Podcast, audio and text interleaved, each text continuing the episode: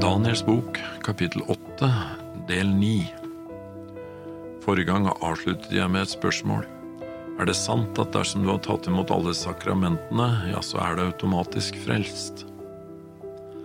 Da Jesus innstiftet nattverden, vasket han disiplenes føtter. De hadde vært sammen med Jesus i over tre år. Allikevel protesterte Peter på det Jesus ville gjøre. Aldri i evighet skal du vaske mine føtter. Jesus svarte ham, dersom jeg ikke vasker deg, da har du ingen del med meg. Peter hadde nok ofret han, men han var fremdeles i opposisjon til det Jesus sa. Han måtte tillate Jesus å vaske hans føtter. Peter sier da, Herre, ikke bare mine føtter, også hendene og hodet, og Jesus svarer han, den som er badet, trenger ikke å vaske annet enn føttene, han er jo helt ren, altså dere er rene, men ikke alle, for Jesus visste hvem som skulle forråde ham. Det er derfor han sier dere er ikke alle rene. Du finner det i Johannes evangeliet kapittel 13. Så hva er det som gjør deg ren? Det er ikke bare det Jesus gjør utenfor deg, for Jesus må gjøre noe inni deg også. Peter ble ren, for han tillot Jesus å slippe inn i hjertet sitt, han tillot Jesus å rense seg, mens Judas han slapp nok aldri Jesus helt inn i hjertet sitt. Fordi dåpen og nattverden i seg selv ikke renser noen, det er bare det ytre bilder på det Gud ønsker å gjøre inne i oss. For det er bare Jesus som kan gjøre oss rene, og han ser på hjertet. Siste setningen i Daniel kapittel 8 vers 12 var da det fremgang med alt det foretok seg. At romerkirken har hatt suksess, er ikke vanskelig å se. Selv om Luther børste støv av Skriftens lære om rettferdiggjørelse ved tro, var det ting han ikke så og tok et oppgjør med, som også bare bygde på en tradisjon. Men i ettertid så er det mange av hans forfølgere som faktisk er mer opptatt av å forsvare det Luther har sagt, enn hva Skriftene lærer. De søker ikke videre i Skriftene for å fortsette den reformasjonen som Luther begynte. De er egentlig blitt som den kirken som Luther forlot, for de bygger bare på en tradisjon, de også. Romerkirkens suksess kan vi se i at nesten ingen protesterer på hviledagsforandringen som kirken har foretatt, men i stedet prøver å rettferdiggjøre det fra Bibelen eller andre kilder. Vis meg fra Guds ord, sa Luther. Han la vekt på sola scriptura. Men jeg er redd for at protestantismen i dag er i ferd med å gi opp sitt eget fortolkningsprinsipp. Man tar ikke lenger Skriften slik den står, men man tolker den til å passe med det vi gjør, med tradisjonen og med vår egen tid. Peter han advarer oss i andre Peters brev kapittel 3 vers 16. Det handlet om Paulus sine skrifter, og han sier at det er noe i dem som er vanskelig å forstå. Han erkjenner det, men han sier ikke at det må være feil. Det han sier, er at det er noen ulærde og ubefestede som vrangtolker det slik de også gjør med andre skriftene, til sin egen undergang. Peter var selv i denne verdens sammenheng en ulærd fisker. Han hadde til og med irettesatt Jesus når Jesus snakket om sin døde oppstandelse. Jesus sier da at han ikke har sans for det som hører Gud til, men bare for det som hører menneskene til men Den hellige ånd hadde tatt den ulærde fiskeren og gjort han til en befestet sannhetsforkynner. Jesus hadde jo sagt at han skulle gjøre han til menneskefisker. Vi må alltid huske på det Jesus sier i Johannes kapittel 6 og vers 45. Det står skrevet hos profetene, og de skal alle være lært av Gud. Hver den som hører av Faderen og lærer, kommer til meg så vi må be Gud om å vise oss hva som er sant, at Han skal lære oss sitt evangelie, slik at vi kan komme til Han og slippe Han inn i hjertet vårt, sånn at Han kan gjøre det Han har sagt Han ønsker å gjøre. I Daniel kapittel 8 vers 13 så leser vi, så hørte jeg en av de hellige tale, og en annen hellig sa til han som talte, hvor lang tid gjelder synet om det stadige offer og det ødeleggende frafall, at både helligdommen hær overgis til å bli tråkket ned. Offer står heller ikke her i grunnteksten. Hvor lenge? Guds folk har alltid spurt hvor lenge. Da Israel var i Egypt, ropte de til Gud. Jeg tror de også spurte hvor lenge. De ønsket seg ut av trelldommen, ut av slaveriet. Og i andre Mosebok kapittel tre og vers sju står det, og Herren sa, Jeg har så visst sett mitt folks nød i Egypt, jeg har hørt deres klagerop over slavefogdene, og jeg vet hva de lider. Eller som vi skal se i det neste kapittelet av Daniels bok, da, i Daniel kapittel ni. Daniel lengtet etter at de 70 årene som Jeremia skriver om, skulle ta slutt, og du kan nesten høre spørsmålet hans, hvor lenge, Gud? Han drar Guds oppmerksomhet til den ødelagte helligdommen. Åpne dine øyne og se våre ruiner, ber han. Staden som er nevnt med ditt navn. Du hører tydelig at Daniel lengter hjem, til å få bygd opp igjen det som har gått i stykker. Martyrene under alteret i Åpenbaringen kapittel 6 og vers 10 også spør rett ut, Hvor lenge skal det vare før du holder dom? Og studerer du åpenbaringen, så vil du se at det er faktisk et spennende tidspunkt de stiller spørsmålet på. Legg merke til at det er både helligdom og hær som skal tråkkes ned. Å tråkke ned, det betyr å vanære noe. Vi også føler oss tråkka på dersom noen vanærer oss eller setter oss helt på sidelinja. Helligdom er oversatt med kodesh, så det handler om Guds helligdom. I helligdommen her på jorden foregikk det, som jeg tidligere har nevnt, en daglig og en årlig tjeneste. Tjenesten der var bilder på Jesus sin tjeneste.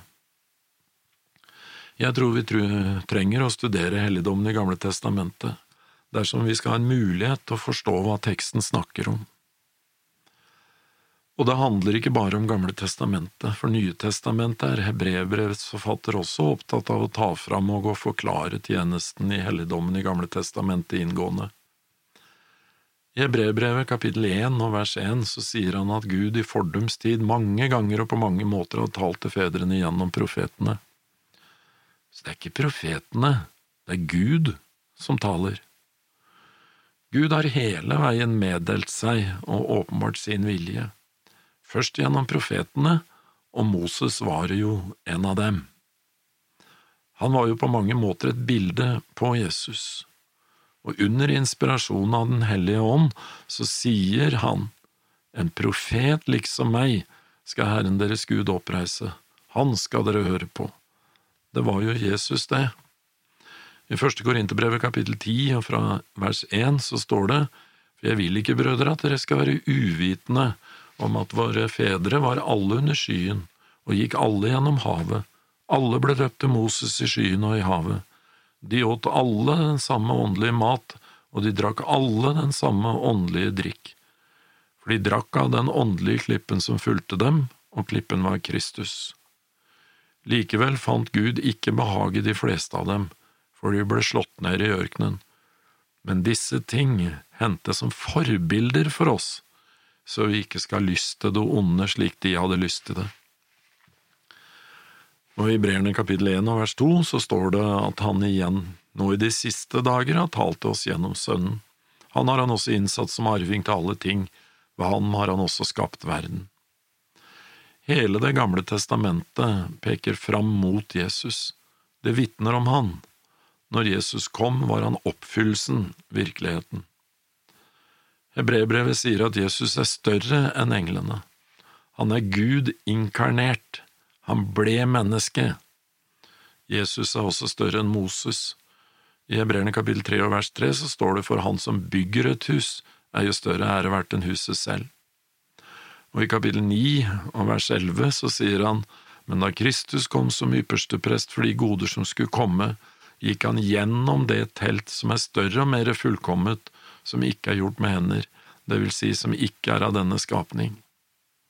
Hele veien legger hebreerbrevets forfatter vekt på at Jesus er større og bedre enn bildene fra helligdommen og tjenesten der i Det gamle testamentet, som jo bare symboliserte Jesus og tjenesten til Jesus. I kapittel 7 og vers 19 snakker han om et bedre håp, og en bedre mellommann.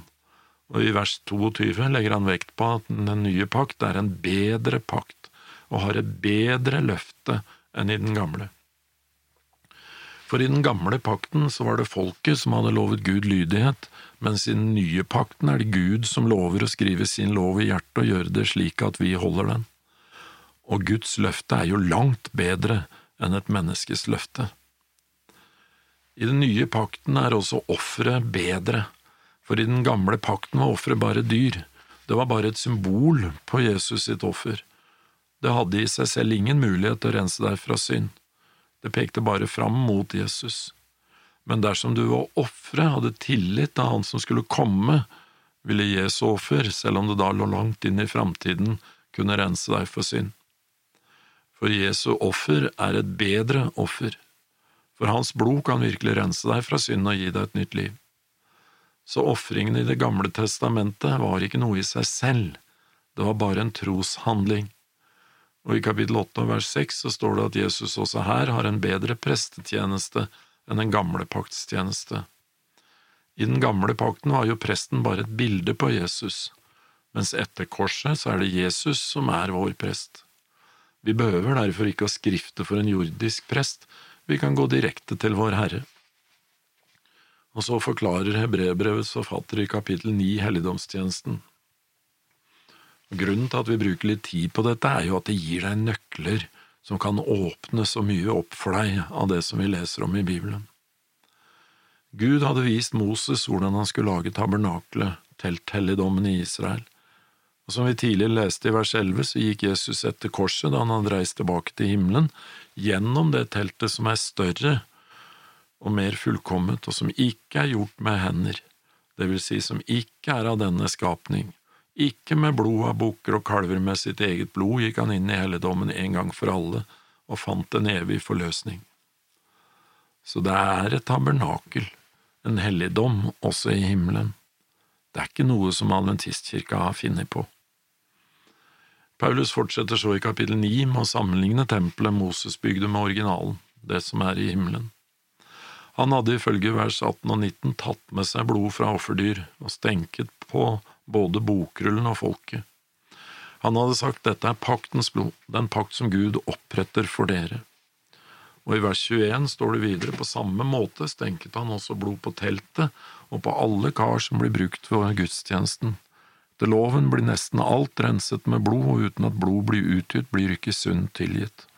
Det er altså nødvendig at avbildene av de himmelske ting blir renset ved slikt, men selve de himmelske ting må renses ved et offer som er bedre enn disse. Her står det rett ut at det er noe i himmelen som må renses. Sier i vers 24, for Kristus gikk ikke inn i en helligdom som er gjort med hender, og bare et bilde av den sanne helligdom. Han gikk inn i selve himmelen, for nå åpenbare for Guds åsyn for vår skyld. Heller ikke gikk han inn der for å la seg ofre flere ganger, slik ypperstepresten hver går, går inn i helligdommen med fremmed blod. I så fall måtte han ha lidd mange ganger fra verden ble grunnlagt, men nå har han blitt åpenbart én gang ved tidenes ende for å borta syndene ved sitt offer. Og liksom det er menneskenes lodd å dø én gang, og deretter dom, så skal også Kristus, etter å være ofret én gang for å borta mange synder, annen gang blir åpenbart ikke for syndens skyld, men til frelse for dem som venter på ham. Så Jesus skal ofres bare én gang. Vi lærer derfor at nattverdshandlingen ikke er en offerhandling, men et minnemåltid. Men vi skal fortsette litt neste gang.